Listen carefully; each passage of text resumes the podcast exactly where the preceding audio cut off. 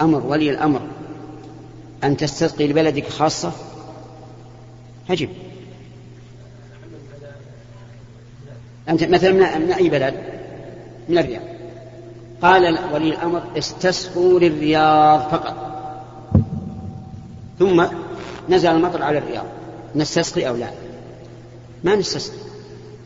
لأن السبب الذي شرع من أجل الاستسقاء زال لكن الأوامر التي تأتي من ولي الأمر استسقاء عام أمر عام. وكما تعلم المملكة واسعة الأرجاء. إذا نزل المطر في الرياض قد يكون لم ينزل في الخارج. أقرب شيء له. فيستسقون ولو نزل المطر. ولهذا قال العلماء يسن الاستسقاء ولو كان القحط في غير أرضهم. حسن الله إليك يا شيخ. الآن في الصيام آه، الشخص إذا قام في الصباح هو هو لم ينوي الصيام فلم يجد يعني الإفطار فقد يقتدي بالرسول صلى الله عليه وسلم في قوله هل من فطور؟ فإن لم يكن هناك فطور استمر في الصيام طيلة هذا اليوم. تشهد أنها وين الفطور فيما معنى الحديث؟ إيه لا بس لا تقول أنه طلب أكل وقال ما عندنا قال إني إذا صام. يعني ما ندري هو طلب الرسول هذا الضحى ولا قبل الظهر ما ندري. فهمت؟ وإذا حتى روايتك بالمعنى هذا غير صحيح. أنا قصدي من هذا أن أن ما ينسب للرسول يجب أن يكون محررا معلوما لأنه مشكلة خطير أن الإنسان يقول على الرسول ما لم يقله وهذا الكلام أفيد من الجواب على سؤاله الجواب على سؤالك إنسان مثلا ما نوى الصيام لكن يوم أصبح ولم يجد طعاما نوى الصيام. نقول لا بأس. لأن النفل يجوز أن ينويه الإنسان في أثناء النهار بشرط أن لا يفعل مفطرا من قبل. فهمت الكلام؟ طيب فإن كان فعل مفطرا من قبل يعني أفطر أول النهار يوم صلى الضحى قال غادي نصوم يصلح ولا ما يصلح؟ سؤال ها؟ كيف؟ أي لأنه فعل مفضلا من قبل نعم هل يجوز الهدية من الموظف لرئيسه؟ الهدية من الموظف لرئيسه لا تجوز لأنك كما تعلم أن عبد الله بن اللتبية بعثه النبي صلى الله عليه وسلم ليأتي بالصدقة. فجاء بالصدقة. فقال هذا لي وهذا أه... هذا لكم وهذا أهدي إلي. فخطب النبي عليه الصلاة والسلام.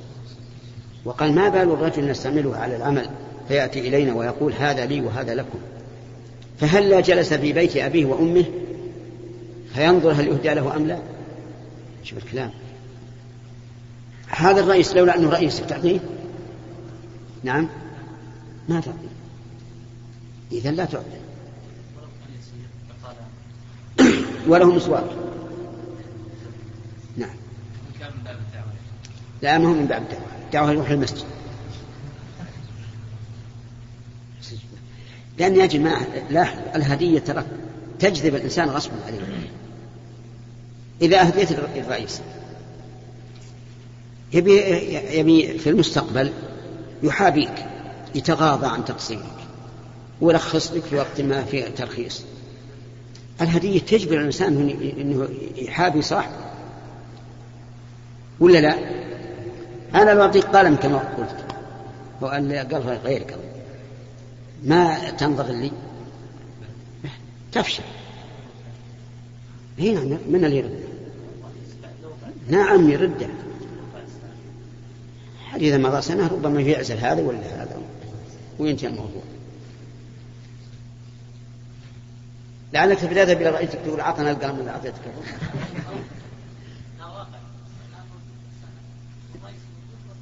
والله أنا هو الحقيقة نخاطب الرئيس والمرؤوس. المرؤوس لا لا يهدي والرئيس لا. نعم. أحسن الله إليك يا شيخ. إذا دخل إنسان مجلس علم أو عطس في مجلس العلم نفسه هل يلقي السلام بصوت مرتفع أو يحمد الله بصوت مرتفع أو بصوت مرتفع؟ إذا كان يشوش على على حاضر لا يسلم لا لا يرفع صوته يجلس وإذا انتهى المجلس يسلم. وإن كان ما يشوش بمعنى أن الناس اعتادوا هذا وأنه إذا سلم رد عليه أحدهم فلا بأس. وكذلك العطاس لا أرى أن يحرج القوم. فيحمد برفع صوته لأنه سيحرجه. إن قلنا بأن تشميت العاطس فرض عين معناه كل الناس ألف نفر مثلا يستمعون كلهم يقولون قلنا فرض عين يلزم كلهم يقولون يرحمك الله. ألف صوت. وهذا محرج. ومسبب للتشويش المجلس. الحمد لله. يحمد الله خفية. ويثيبه الله عز وجل على حمده. نعم. فضيلة الشيخ هل الأفضل في دعاء اللهم أعني على شكرك وذكرك وحسن عبادتك أن يكون قبل السلام أم بعد السلام؟ أم الأفضل أن يكون في الموضعين معا؟ الأفضل أن يكون قبل السلام. لأنه هكذا ورد في بعض الروايات. ولأن الدعاء يكون قبل السلام. كما في حديث ابن مسعود لما ذكر التشهد قال ثم ليتخير من الدعاء ما شاء. وعلى هذا فيقول اللهم اللهم أعني على ذكرك وشكرك وحسن عبادتك قبل أن يسلم بعد السلام ماذا قال الله؟ قال فإذا قضيتم الصلاة فاذكروا الله. ما قال فادعوه.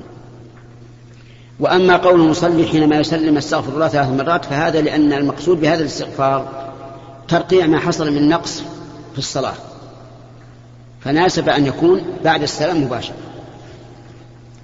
نعم أحسن الله إليك يا شيخ بالنسبة لبطاقة الأحوال المرأة السعودية هل يجوز أن تكون للمرأة بطاقة أحوال؟ أنت تسأل سؤال جاد ولا ولا بس ودك تبي تثير الجماعة؟ جاد؟ أنا أنا أسأل اللي يسأل عن بطاقة المرأة بارك الله فيك وزير الداخلية فترصد عند بابه يوم السبت إن شاء الله واسأل. قل أيها الوزير هل تلزم البطاقة؟ للمرأة أو لا؟ فهمت؟ وأنا أبشركم أنها لن تكون. والحمد لله. انتهى. حصلت تصريحات من بعض الناس لكن في النهاية قيل إنهم رجعوا ولن تكون إن شاء الله. نعم. أحسن الله عليك شيخ. كيف نتوقع النفاق؟ ها؟ كيف نتوقع النفاق؟ اي نعم. يسأل كيف يتوقع النفاق. النفاق يتوقع بتمرين النفوس على الإخلاص لله عز وجل. هذه واحدة قبل كل شيء. الثاني أن يتجنب خصال النفاق. وهي إذا وعد أخلف وإذا حدث كذب وإذا عاهد غدر وإذا اؤتمن خان لأن هذه من أعمال المنافقين. فمن مارسها يخشى أن يكون في قلبه النفاق الأكبر والعياذ بالله. ثم إن الشيطان قد يوحي إلى الإنسان بأنه مرائي في العبادة مثلا. يقول لا لا تصلي لا تعبد. يعني لا تصلي نافلة. ترك مرائي. هذا يجب أن يطرحه. وأن لا يهتم به وأن لا يلتفت إليه. وحينئذ لا يضره الحمد لله. في إشكال بعد؟ أجب أقول واضح الآن؟ عليك بالصدق في القول والوفاء بالوعد وأداء الأمانة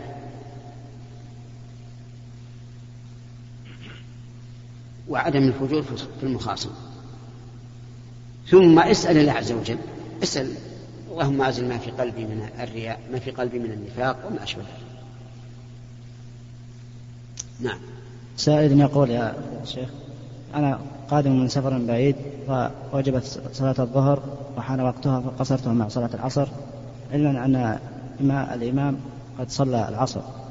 فصليت العصر الركعتين الأول معه ثم سلمت وأكملت صلاة العصر معه. هل يجوز ذلك؟ من صلاة الظهر. صلى الركعتين الأول آه، وصلى الركعتين الأخرى يعني ما دخل مع الإمام في صلاة الظهر. صلى ركعتين الأولين ثم سلم على أنها الظهر ثم دخل معه في الثالثة والرابعة على أنها العصر. هذا لا يجوز. وعليه الآن أن يعيد الصلاتين جميعا على أربع أربع. لماذا؟ لأن الإنسان إذا كان مع الإمام يجب أن يقتدي بالإمام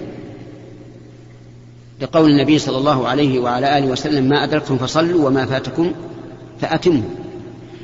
وسئل ابن عباس ما بال الرجل في السفر يصلي ركعتين ومع الإمام يصلي أربعا؟ فقال تلك هي السنة. فقل للأخ عليه الآن أن يصلي أربعا للظهر وأربعا للعصر. قل إن شاء الله. بارك الله فيك. نعم. مثال رجل صام هذا اليوم يوم الخميس آه، ونواه قضاء عن يوم من أيام رمضان فهل يحرم عليه أن يقطع هذه النية في النهار؟ يقول رجل شرع في, في صوم القضاء قضى رمضان فهل يجوز أن يقطع هذا الصوم في أثناء النهار؟ فالجواب أنه لا يجوز. وسأعطيكم قاعدة مفيدة. كل من شرع في واجب حرم عليه قطعه إلا لعذر شرعي يبيح القطع. فإذا شرع في في قضاء رمضان وجب عليه أن يتم اليوم ولا يجوز له قطع إذا شرع في صلاة مفروضة وجب أن يتمها ولا يجوز قطعها وعلى هذا فقس. فإن كان قد فعل فعليه أن يتوب ويأتي بدله بيوم. نعم. الجمعة. صيام يوم الجمعة جائز لكنه مكروه إذا صام يوم الجمعة لكونها يوم جمعة لقول النبي صلى الله عليه وعلى آله وسلم لا تخص يوم الجمعة بصيام ولا ليلتها بقيام. ولأنه وجد إحدى نسائه صائمة يوم الجمعة فقال لها أصمت أمس؟ قالت لا. قال أتصومين غدا؟ قالت لا. قال فأفطر. فأمرها أن تفطر لأنها لا تريد إلا صوم يوم الجمعة. لكن إذا كان لعذر كرجل عليه القضاء عليه القضاء من رمضان ولا يتسنى له أن يصوم في, في, في بقية الأيام إلا يوم الجمعة فلا بأس أن يصومها.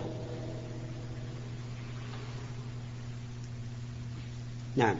الله عليك شيخ بعض الناس في الأعراس حفلات الأعراس يجتمعون وعندهم بعض الشعراء فيتردون بعض الشعر لكن لا يكون فيه لا سفه ولا فجور ولا فساد.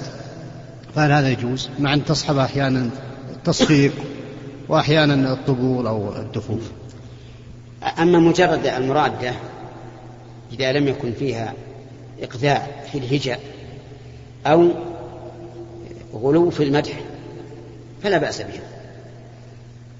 فقد كان الناس ينشدون الأشعار في مسجد النبي صلى الله عليه وعلى آله وسلم. ولما مر أمير المؤمنين عمر بن الخطاب رضي الله عنه وحسان بن ثابت ينشد الشعر في المسجد النبوي لحظ إليه فقال له حسان قد كنت أنشد وفيه من هو خير منك. يعني الرسول عليه الصلاة والسلام. أما إن تبعه رقص أو طبول فهذا لا يجوز. لأن الرقص للنساء والرجال لا يجوز أن يقتدوا بالنساء. والطبول آلات عزف وآلة العزف محرمة إلا ما خصه الدليل كالدف في المناسبات.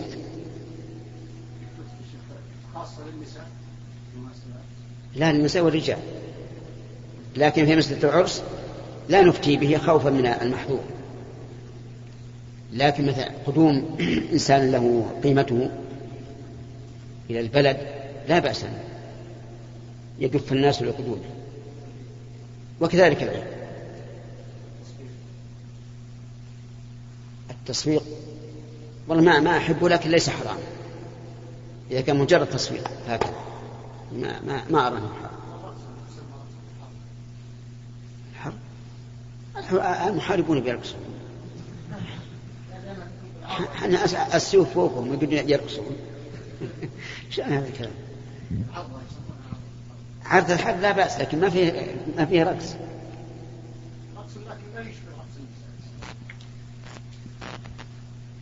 ما أدري أنا إلى الآن ما دخل فكري هذا.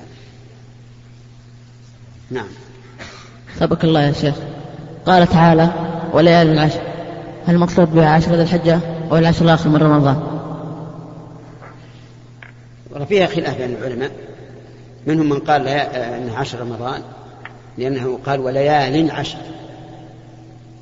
ومنهم من قال عشر ذي الحجة لقول النبي صلى الله عليه وعلى آله وسلم ما من أيام العمل الصالح فيهن أحب إلى الله من هذه الأيام العشر. يعني عشر ذي الحجة.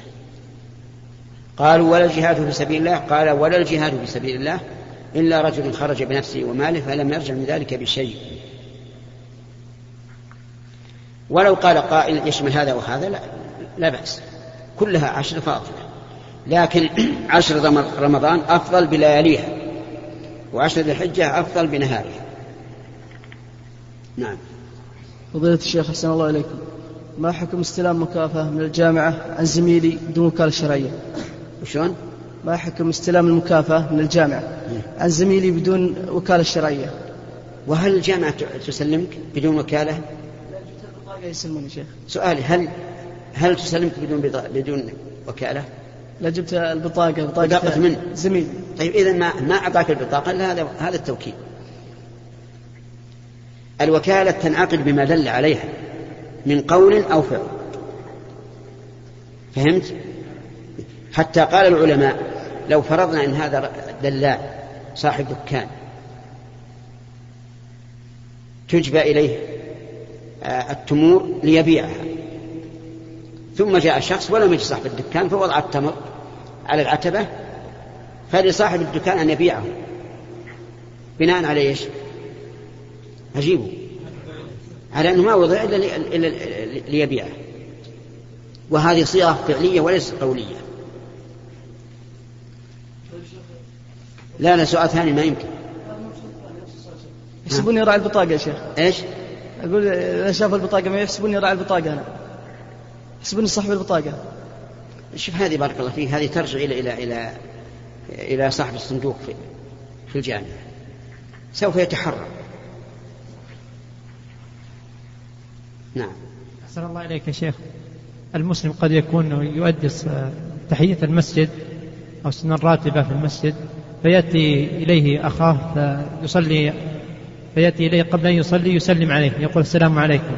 هل يشرع السلام وكيف يرد عليه وهو يصلي؟ وغالبا ما وكثير ما يحصل هذا. السلام على المصلي سواء الراتبة أو تحية المسجد أو الفريضة. يشير إلى المصلي برد السلام بيده يرفعها هكذا. شوف هكذا. إشارة إلى أنه فطن له ورد عليه. فإن بقي هذا هذا المسلم حتى سلم المصلي رد عليه بالقول. وإن انصرف كفى كفت الإشارة. لكن هل يسن للإنسان أن يسلم على المصلي أو لا؟ نقول هو جائز. وإن خاف أن المصلي يكون ساهيا فإذا سلم عليه قال عليكم السلام. لأن أحيانا أحيانا المصلي يكون ساهي فإذا سلم عليه قال عليكم السلام. فلا يسلم.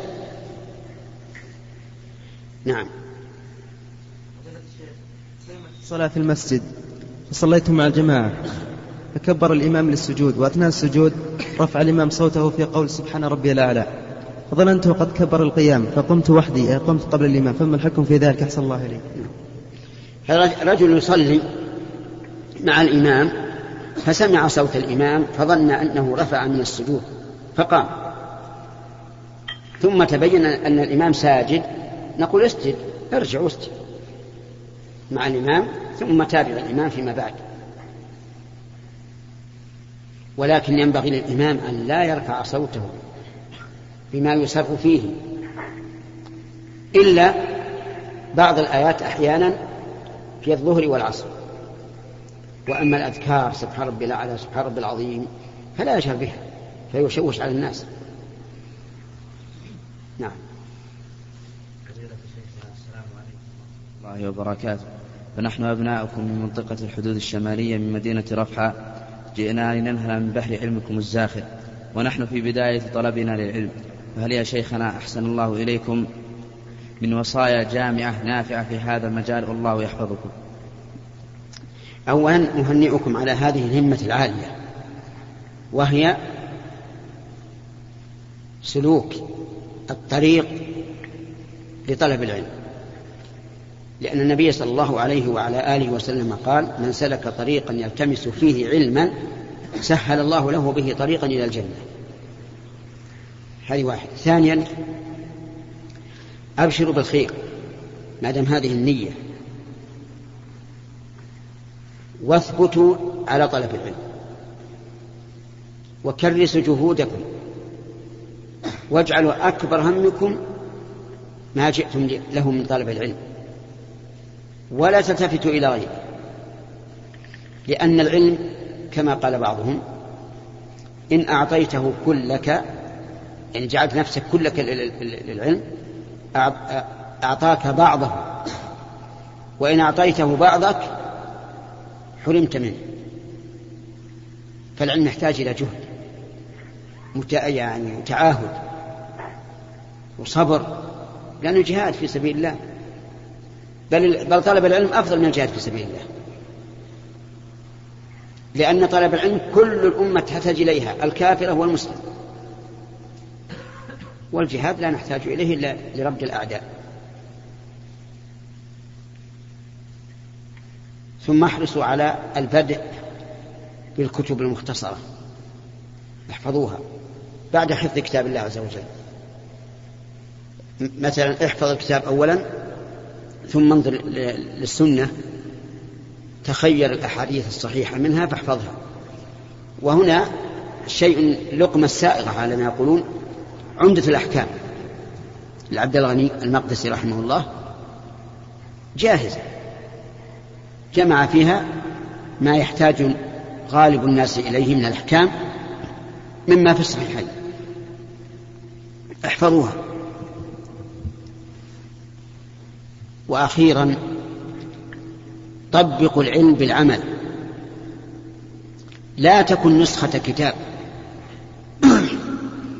بل كن متأثرا بعلمك في عبادتك وفي أخلاقك وفي معاملتك للناس. لا يكن أكبر همك أن تجمع وتحوش العلم فقط. العلم المراد به العمل. ومن عمل بما علم ورثه الله علم ما لم يعلم. كذلك أوصيكم أن لا يكن همكم وشغلكم الشاغل ما فتن به بعض الشباب الآن في مسألة التكفير. هل هذا كافر أو مسلم؟ هل هذا الحاكم كافر أو مسلم؟ وإذا حصل أي اختلاف بين الشباب قال هذا اتركوه هذا مبتدع هذا إخواني هذا تبليغي هذا سلفي وما أشبه ذلك. الدين الإسلامي يأمر أهله بالاتحاد. وأن يكونوا على شريعة الله. فقال قال الله عز وجل واعتصموا بحبل الله جميعا ولا تفرقوا. وقال الله تبارك وتعالى ولا تكونوا كالذين تفرقوا واختلفوا من بعد ما جاءهم البينات وأولئك لهم عذاب عظيم. وقال وقال الله تبارك وتعالى شرع لكم من الدين ما وصى به نوح والذي أوحينا إليك وما وصينا به إبراهيم وموسى وعيسى أن أقيموا الدين كمل ولا تتفرقوا فيه.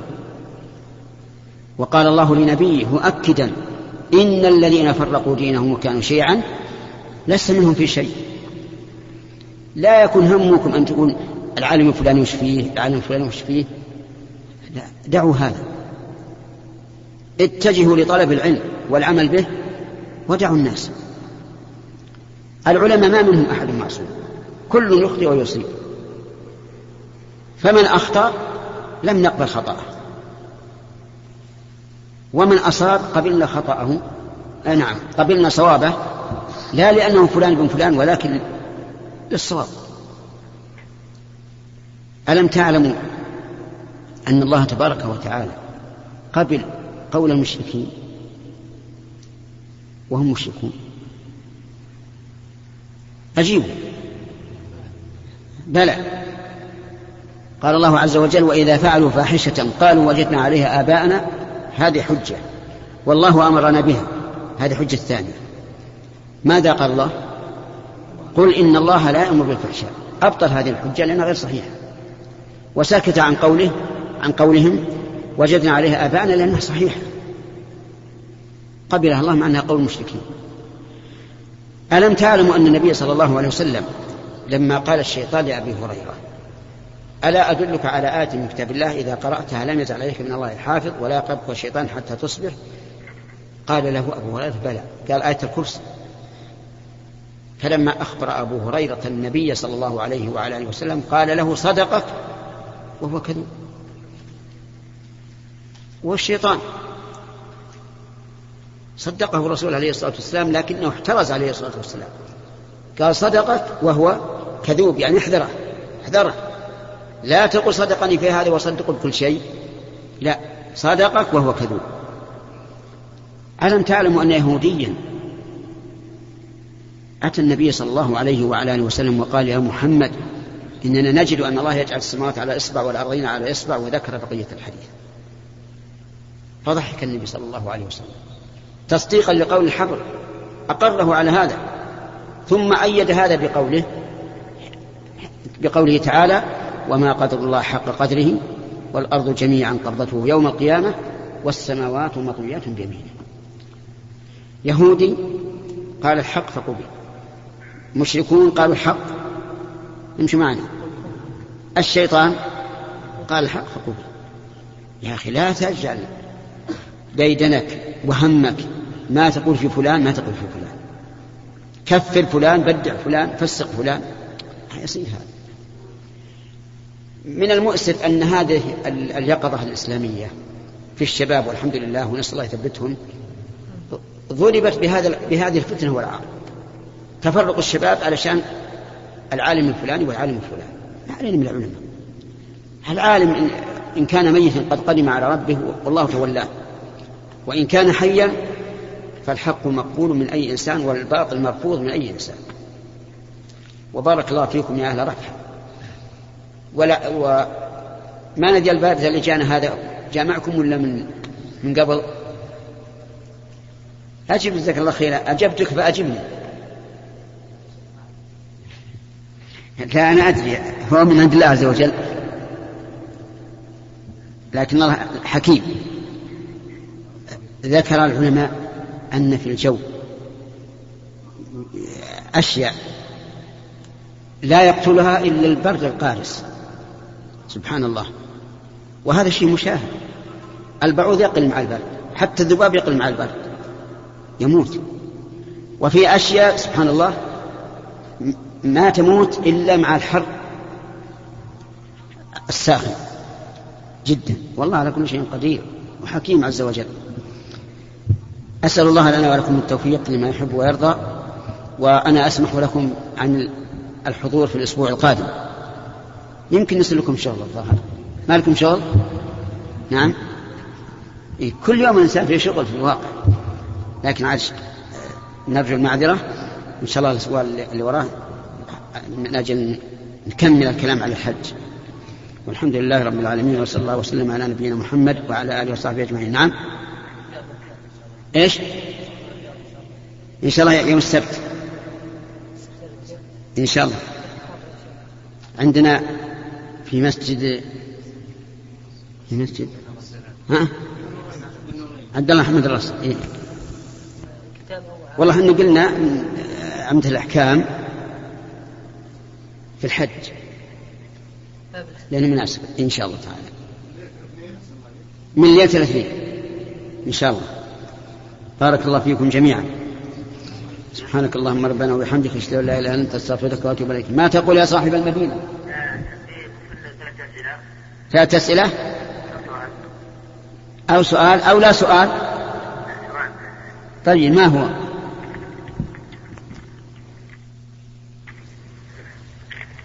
لا السلام عليكم. عليكم السلام. شيخ أو حكم الشخص اللي يتمنى يفعل المعاصي ولكنه ما يفعل المعاصي مثل السرقة يقول عشان ديني يمنع من السرقة إيش حكمه؟ وده يسرق ها؟ هو وده يسرق